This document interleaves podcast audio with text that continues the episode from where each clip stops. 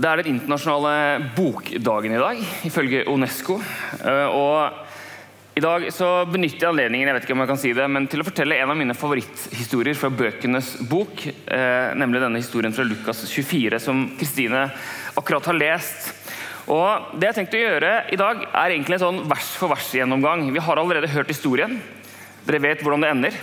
Eh, men jeg har lyst til å bare gå gjennom vers for vers fra toppen for å stoppe opp litt. og Det blir en slags bibelutlegging, og så kommer jeg til å kommentere litt. Så Kanskje det er andre ting du legger merke til i versene enn det jeg gjør.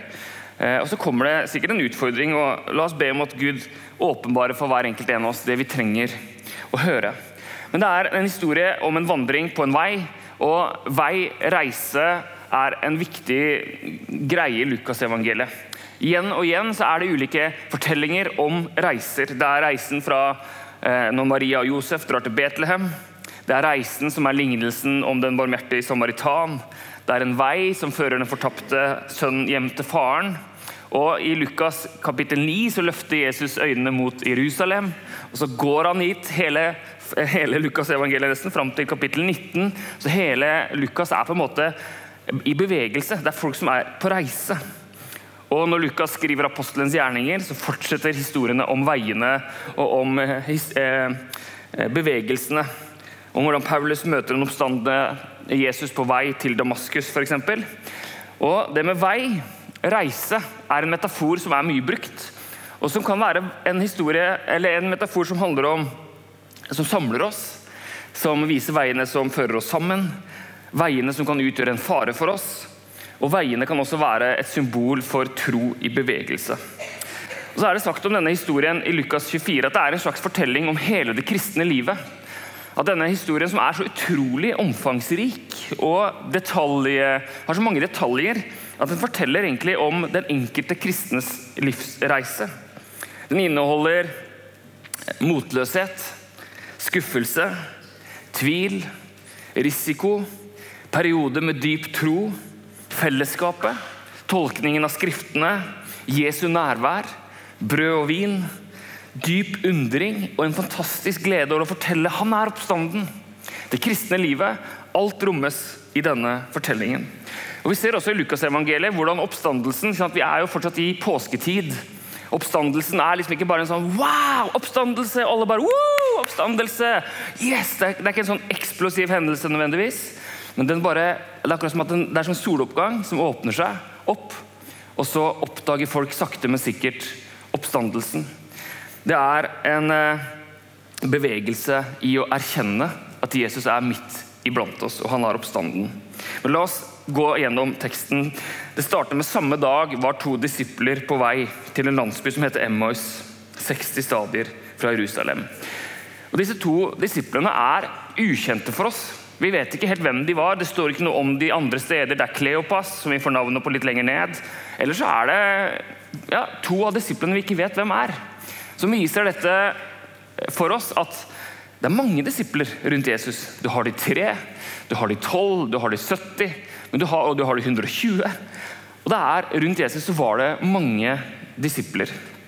Og to av disse går på en vei mot Emmaus som ikke vi helt vet hvor er, og som ikke er funnet arkeologisk. i fall man er usikker, Men som er tydeligvis en, et sted i denne teksten. Og De ender jo opp, også opp til slutt i Jerusalem igjen. Men det står videre de snakket om alt som hadde skjedd. De snakket om alt som hadde skjedd. For det hadde skjedd veldig mye. I løpet av påskedagene, palmesøndag, skjærtorsdag, som kanskje var en tirsdag, fredag. Alt som hadde skjedd rundt rettssaken, måltidet, det siste måltid, det som skjedde i Getsemane, Jesu kors korsfestelse, all tvilen, usikkerheten, frykten. De forteller om alt som har skjedd. Også i våre liv så kunne vi jo delt historier, fortalt alt som har skjedd. Ja, hva er din trosfortelling? Hva er din, ditt liv? Hva, hvordan står det til om dagen? Hva er din erfaring? Hvordan går det med deg? Hvis du forteller alt som har skjedd, ja, hva er det du da forteller? Hvis du hadde spurt disse to disiplene hvordan går det med Jesus? Hvordan går det med, går det med Jesus om dagen? Hvordan er, er, det med troa? så ville de sagt kanskje Jesus. Nei, det er et tilbakelagt stadium. Nei, det er jeg ferdig med. Nei, det er over.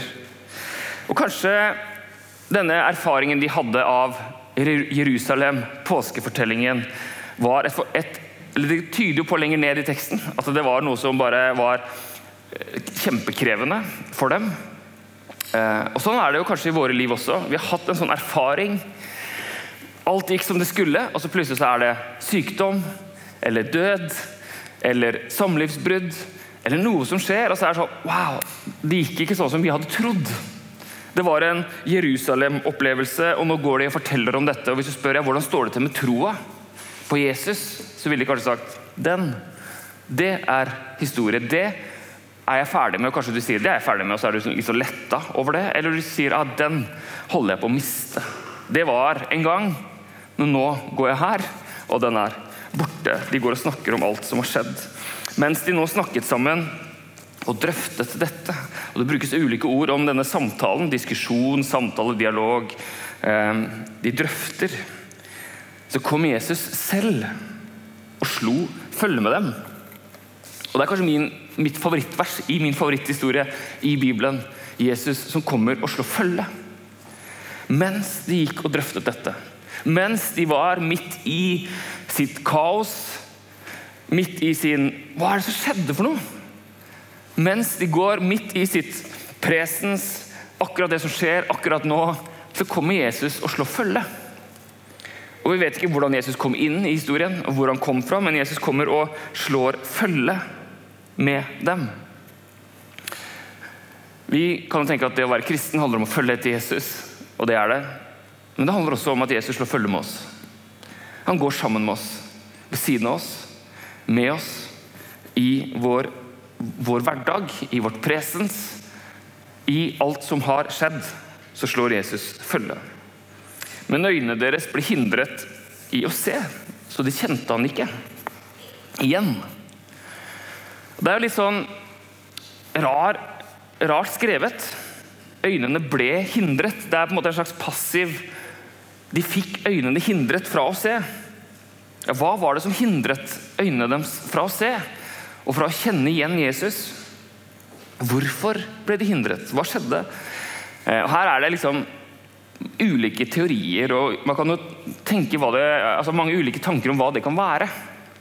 Noen sier kanskje det var Gud som hindret dem fra å se, fordi at Gud ville vise dem noe, lære dem noe. Andre Vi kan også tenke oss at det er en slags eh, At de ikke hadde forventa å møte Jesus der, for de hadde jo sett ham på korset. De visste han var død. Eh, så de, de, tenkte at det her går ikke an, det kan jo ikke være Jesus, for han vet vi jo hvor det er. Jeg hørte en som eh, snakka om en bekreftelsesfelle. Eh, confirmation bias på engelsk. Det refererer til at vi noen ganger så tenker vi liksom ok, dette er hvordan ting henger sammen. Jeg har denne boksen. Jeg har disse sannhetene. Og alt som kan bekrefte disse sannhetene, det hører jeg på. Alt som utfordrer disse sannhetene, de bare ignorerer jeg. Eller det er egentlig ikke bare at man ignorerer det aktivt, men hjernen leter etter bekreftelse for de tingene du allerede tenker. Så disse disiplene går på veien og tenker at ja, men Jesus er død. Døde mennesker står ikke opp. Dette er sannheten. Det er ferdig. Og så leter de etter bevis for at det er sånn det er. Og så kommer Jesus inn fra siden og overrasker. Kanskje det var en slags bekreftelsesfelle som gjorde at de ikke klarte å se hvem Jesus var. Bekreftelsesfeller skjer jo mange steder i samfunnet om dagen.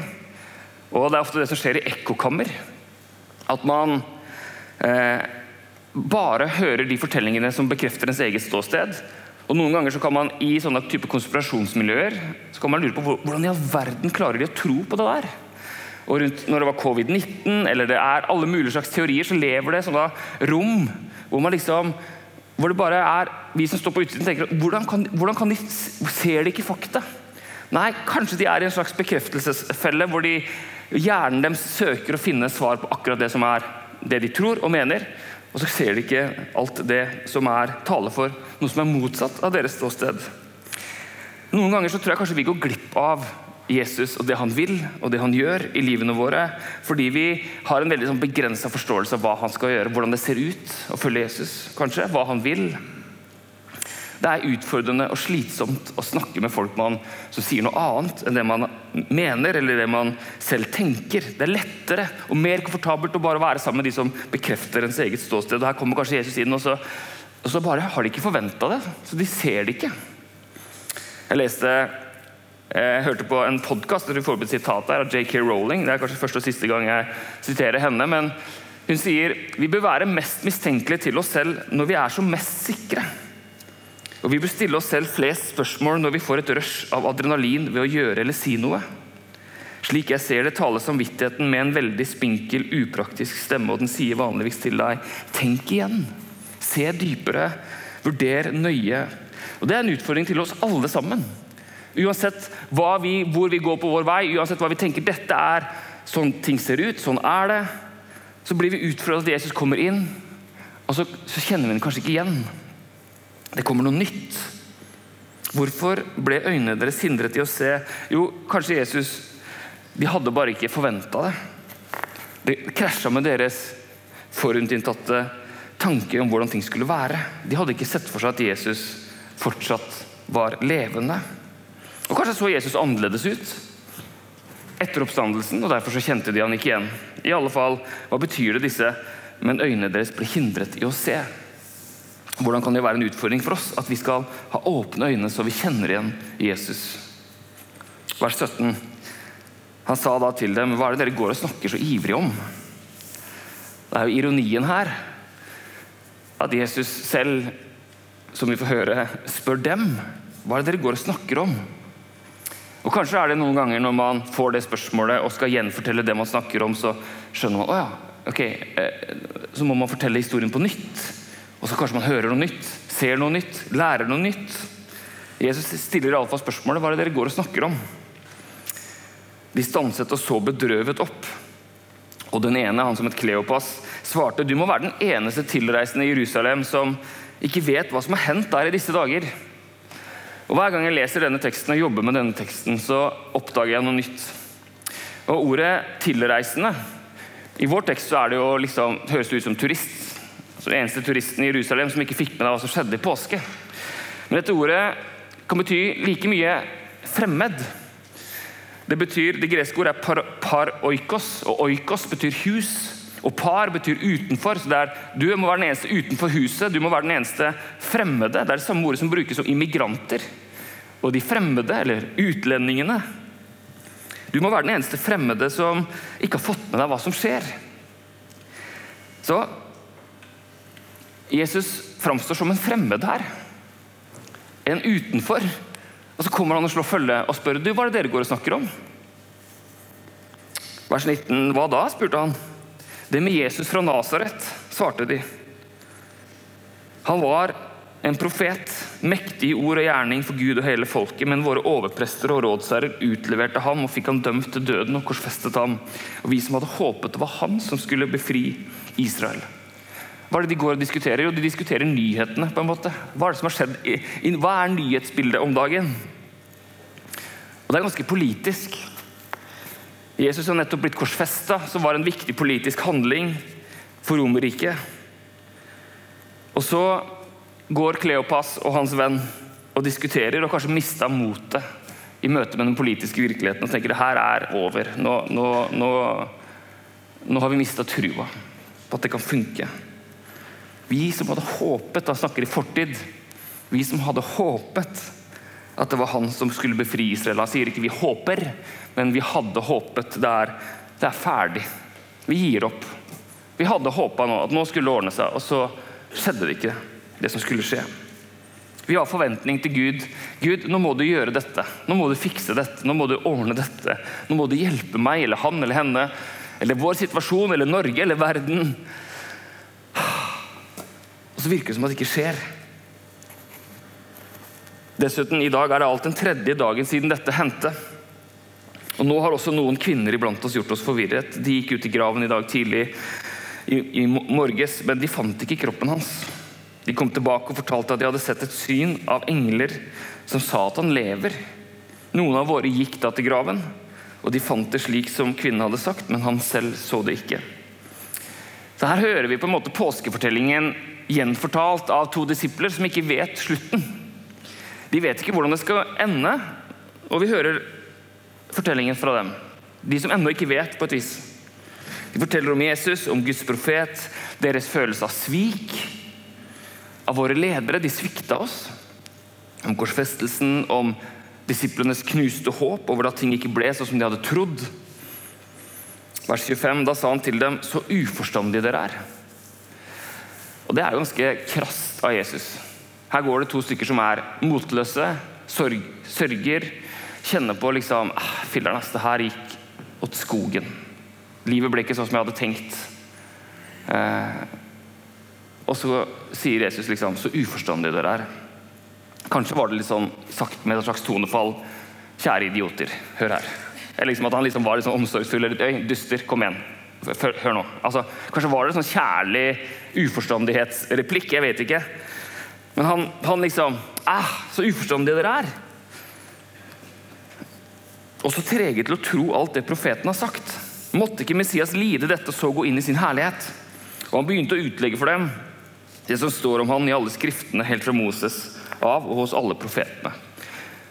Så har de Jesus selv som en fremmed, som de ikke ennå vet er Jesus. Vi vet jo, så vi hører jo historien, men for dem så var han bare en fremmed som begynner å fortelle og åpne skriftene. og de må ha sånn, oi, hvem er det her som gjør dette? Og så kan man tenke, liksom, når, man, når man sier, når det står det som står om han i alle skriftene, helt fra Moses av og hos alle profetene altså, hvis, den, hvis, man leser Bibelen, så er det jo litt sånn ja, Hvor står det egentlig om Jesus i Mosebøkene? Hvor står det om Jesus i alle profetene? Og vi etterpå, nå, kan begynne å leite tilbake og se. ja, men her, Dette kan jo ligne litt på Jesus.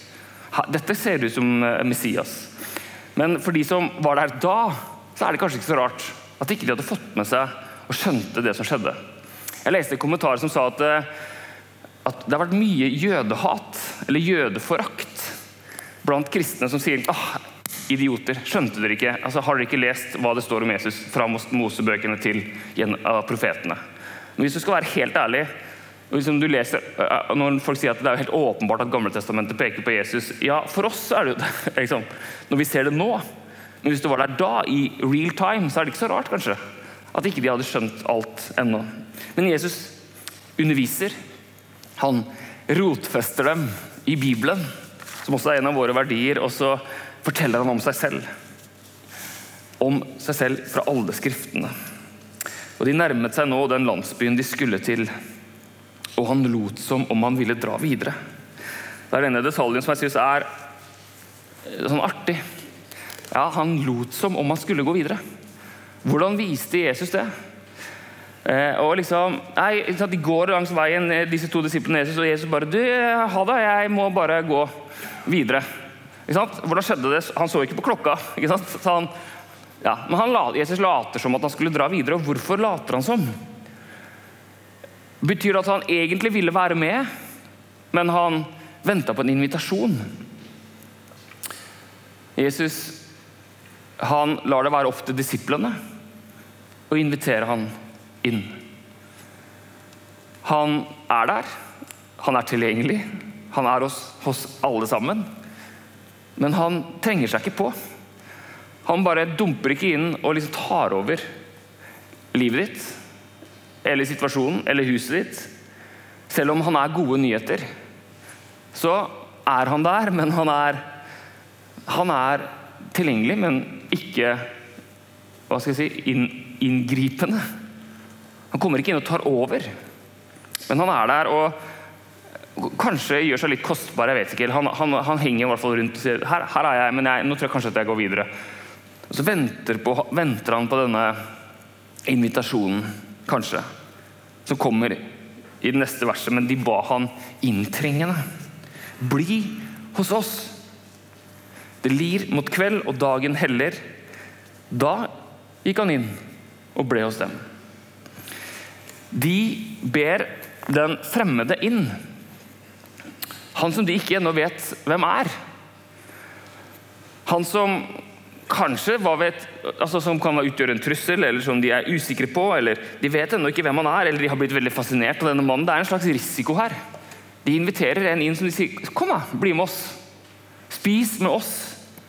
Og Gjennom hele Bibelen så er det denne røde tråden om ta dere av de farløse enkene, de fattige innflytterne. Så Når disse går på veien, og det kommer en fremmed, så kjenner de med en gang at vi må jo ta oss av den fremmede. Og så viser det seg at den fremmede begynner å, å fortelle dem. Den som de tror, eller, vi, har liksom, vi har vært tett på Jesus, vi kan greiene, og så er det han som er den fremmede, som plutselig begynner å vise dem. Men i alle fall nå er det de som sier 'kom inn, bli med oss'. De tar en risiko, og de viser en av de beste kristne dydene. Og kanskje det et av de beste bildene på Guds rike, nemlig gjestfrihet. Kom, kom, kom til bords. Du er velkommen. Bli med. Og Det var så fantastisk å høre historien fra Elisabeth i stad om hvordan hun kjente denne gleden og stoltheten av å kunne være med å dekke på bordet. At hun ikke bare er gjest her, men at hun nå er en del av fellesskapet og hjelper til å dekke på bordet til kirkekaffen. Det er å praktisere gjestfrihet. Og disse to praktiserer det. De viser gjestfrihet. Men de vet ennå ikke hvem de har på besøk. Vers 30. Og mens han satt til bords med dem, tok han brødet, ba takkebønnen, brøt dem, ga og ga dem. Da ble øynene åpnet, så de kjente han igjen. Og Disse ordene refererer jo tilbake til skjærtorsdag, eller det siste måltid hvor Jesus gjør, gjør akkurat dette. Han tok brødet, ba takkebønnen, brøt det og ga dem. Det vi også gjør i nattverden. Og da stemmer det! Det er jo Jesus! Jeg tror Vi har et maleri som er et sånn fascinerende eh, maleri av Jesus, eller av den hendelsen. Jeg vet ikke om det ligger til slutt i presentasjonen hvor det eh, en som heter ja, et eller annet uh, Vasquez eller Vasquez eller et eller annet sånt, som er maleren. Jeg husker ikke helt. Uh, jeg synes Det er et fascinerende bilde, fordi uh, det her er tjenestepiken kanskje, som jobba i dette huset. Har denne maleren sett for seg. Så ser man Jesus bak til venstre med en krone der. Og, og du ser den ene disiplen, men de er liksom ikke i fokus her. Men det er denne, denne tjenestekvinnen som holder på å fikse til måltidet. Og Kanskje er det sånn at hun liksom skjønner før disiplene hvem det er som er på besøk. Så ser man denne oppvåkningen. Kanskje det er Jesus som er her? Så hun Jeg ser for meg at det er liksom, hun har skjønt det før disiplene. Det er Jesus jeg holder på å lage brød til. Det er Jesus jeg holder på å eh, eh, fikse til måltid. Og så har du hverdagsligheten i dette bildet, og samtidig denne glorien på baksiden. Men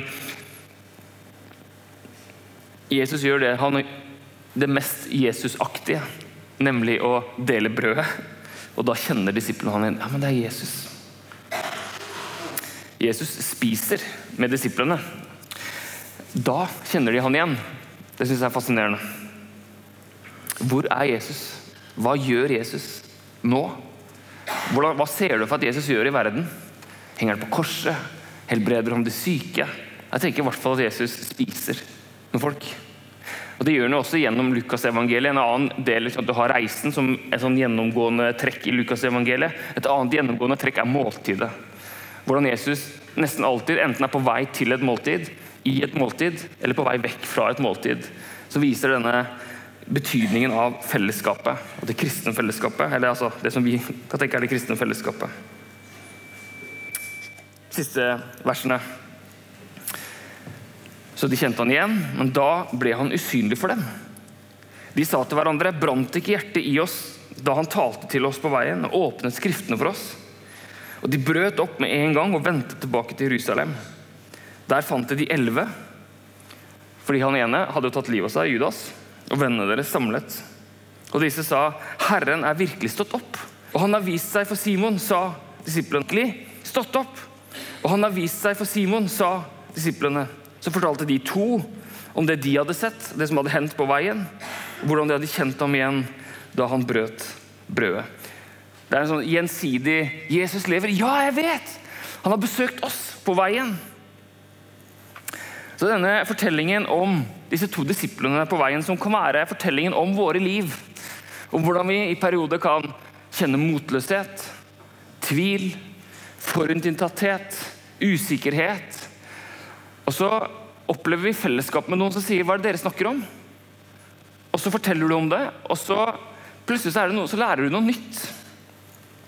Og så inviteres du til fellesskap, eller du inviterer til fellesskap. Og så åpnes øynene våre på hvem Jesus er. Og Vi kan spørre dette spørsmålet om hvor du er på vei, som er et naturlig spørsmål å stille når metaforen er denne reisen. Hvor går ditt liv om dagen? Hvis Jesus kommer gående opp langs sida di og spør, liksom, slår følge med deg spør hva, hva er du opptatt av om dagen? Hvordan går det med deg? Hva tenker du på? Hva er du opptatt av? Hva tviler du på? Ja, hva vil du da fortelle?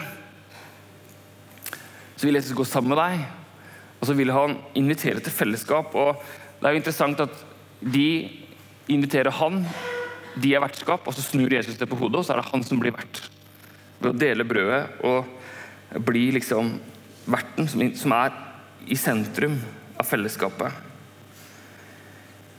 Jesus er her sammen med oss. Jesus er en del av vårt fellesskap. Han går ved siden av oss. Og Denne reisen trenger ikke bare være en metafor for den enkelte kristnes vei, men også for oss som kristent fellesskap. At La oss være et fellesskap som rommer alle menneskene som er på vei, Uansett hva som er deres situasjon, hva som er deres presens, uansett hva som er deres tanke for øyeblikket, eller åpenbaring eller spørsmål. La oss romme de som er entusiastiske av yes, Jesus lever, og de som ennå ikke helt vet, men som kanskje har begynt å bidra. La oss være et fellesskap som sier 'Kom, Jesus. Kom, bli med. Vær med i vårt fellesskap.' Og så sier Jesus ja, men det er jeg som bryter brød. Det er jeg som er i sentrum. Så inviterer han oss til bord.